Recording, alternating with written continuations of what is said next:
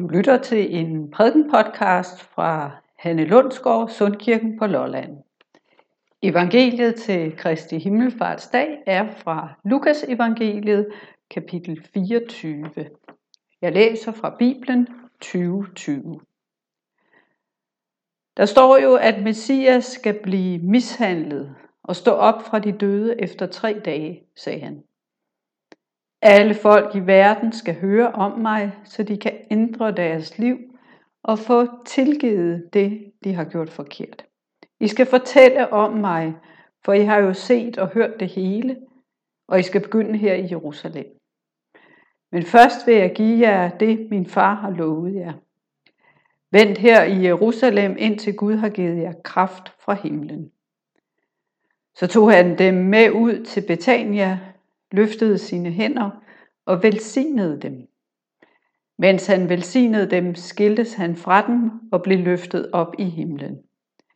De kastede sig til jorden og tilbad ham, og bagefter tog de fulde af glæde tilbage til Jerusalem. De var hele tiden ved templet og hyldede Gud. Amen. Kristi Himmelfartsdag kommer altid 40 dage efter påske. Det er sådan cirka det eneste, der er, som det plejer at være. Der er nu gået 40 dage, siden det var den mærkeligste påske i mands minde. Og næsten lige så lang tid, nemlig 30 dage, gik der inden påske. Det meste af fastetiden, hvor vi også var afskåret fra at mødes og fejre gudstjeneste. Det underligste forår i alle mulige sammenhænge, men sandelig også i kirken. Det er helt imod evangeliets natur ikke at kunne forkyndes. Og selvom vi har forsøgt med papir og teknik, så er det en tvivlsom erstatning for nærvær og samvær. Evangeliet kalder os til kirke. Her samles vi om det budskab, som altid hører til i et fællesskab. Fællesskabets forsømte forår vil nu forsigtigt og langsomt blomstre. Det tror jeg, det håber jeg. Kristi Himmelfartsdag bliver en ny begyndelse. Påskens nye liv vil folde sig ud med 40 dages forsinkelse. Normalt er Kristi Himmelfartsdag lidt overset. I virkeligheden er det en herlig højtid. Kristusfest med et fantastisk budskab. Og hvad er det så for et budskab, evangeliet forkynder os i dag og alle andre dage? Det er, at vi kan leve i tilgivelsen og kærligheden. Vi kan leve med Guds velsignelse, helt uanset hvad der sker i verden og i vores liv. Det kommer egentlig ganske klart frem i Kristi Himmelfarts lille evangeliestykke fra Lukas evangeliet. Efter påskens dramatiske begivenheder, hvor Jesus døde på korset og tog alverdens synd på sig, men også opstod fra graven tre dage efter, fordi kærligheden er stærkere end døden. Efter de begivenheder fulgte 40 lidt mere rolige dage, hvor Jesus flere gange viste sig for disciplene. Han talte med dem, spiste med dem og fortalte dem om fremtiden og inden han på dag 40 blev løftet op i himlen, gav han dem nogle sidste ord med på vejen. Det var ordene om, at Helligånden vil komme over dem om ikke mange dage. Om 10 dage er det pinse, og der skal der døbes med Helligånd. Guds gode ånd, som giver håb og mod, selvom de og vi ikke længere har Jesus Kristus synligt iblandt os. Afskedens time gør derfor heller ikke disciplene modløse. Tværtimod, de bliver fyldt af glæde. Fyldt af glæde over det liv, der venter. Afslutningen på Jesus synlige nærvær er samtidig begyndelsen på en ny tid. Sådan skal det også være for os. Kristi Himmelfarts dag skal ikke være en vemodig dag, hvor vi mister Jesus af syne.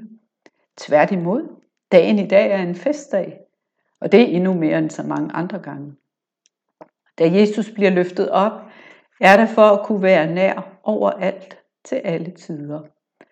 Tiden og rummets grænser sprænges. At Kristus far til himmels betyder, at han er til stede som den opstandende overalt og i alle. De så mod himlen, men det er ikke der, de og vi skal se ham. Der peges ud i verden, ind i hverdagen, hvordan den ellers er. Jesus Kristus er midt i blandt os med sin ånd og med sit ord. I kirken, derhjemme og alle andre steder. Vi har savnet at fejre livet og livets fester. At kunne samles i kirken og lovprise Gud har vist sig ikke at være en selvfølge. Det er kommet bag på mange af os. Og det er fantastisk at kunne mødes igen, høre evangeliet, bede sammen, dele brød og vin og synge højt og lydeligt med hver vores stemme. Jo, dagen i dag er en festdag. Vi fyldes af glæde, ligesom de første kristne gjorde. Det, der er meget, man kan glæde sig over. Men vi har brug for hinanden til at få øje på det. En af udfordringerne i den forløbende tid har været, at vi hver for sig har måttet finde glæderne. Det er ikke altid så let, når man er alene. Men nu er vi sammen, og vi er her for at dele glæderne, give glæde og åbne hinandens øjne for Guds velsignelse i menneskelivet. På Kristi Himmelfartsdag løfter Jesus Kristus sine hænder og velsigner dem og os. Vi glæder os, også selvom der stadig er udfordringer, bekymringer og frygt i menneskelivet. Vi er mere bevidste end længe om livets alvor og livets håb. Livets håb er det evangelium, vi samles om. Vi skal høre det igen. Påskens lidelse og opstandelse er evangeliet om søndernes forladelse. Vi kan og må og skal leve i tilgivelsen. Ikke i frygt og angst, men i håb med kærlighed og Guds velsignelse over menneskelivet. Det skal forkyndes, prædikes. Vi skal samles om det, synge om det. Ikke bare i dag, men forhåbentlig hver eneste søndag fremover. Evangeliet kalder os til kirke. Dagen i dag er afslutning på noget. En tid uden gudstjenester. Dagen i dag er en ny begyndelse. Her starter en ny tid. 40 dage plus 30 dage. 70 dage mellem gudstjenesterne. Det er alt for lang tid. På den første dag i ugen, hver søndag, skal vi synge og bede. Syv dage imellem, det er nok. Og så har vi i denne og næste uge endda flere helligdage, hvor vi kan komme og få fyldt på med Guds gode ånd. Dagen er ny. Kristus er opstanden. Livet er her. Kristus er nær hos os og i hele verden. Amen. Lad os bede. Jesus Kristus, du stiger op som en strålende sol på vej mod zenit, og lyser din velsignelse ud over hele jorden. Du gør bølgerne himmelblå og folder dine stjernetæpper ud foran os, hvor vi går. Tak for din opstandelse, hvor du åbnede jorden, og for din himmelfart, hvor du åbner himlen og sætter en ny horisont for vores liv med hinanden. Fra øst til vest, fra nord til syd skal du prises. Du fylder os med glæde, du som er fra evighed til evighed. Amen.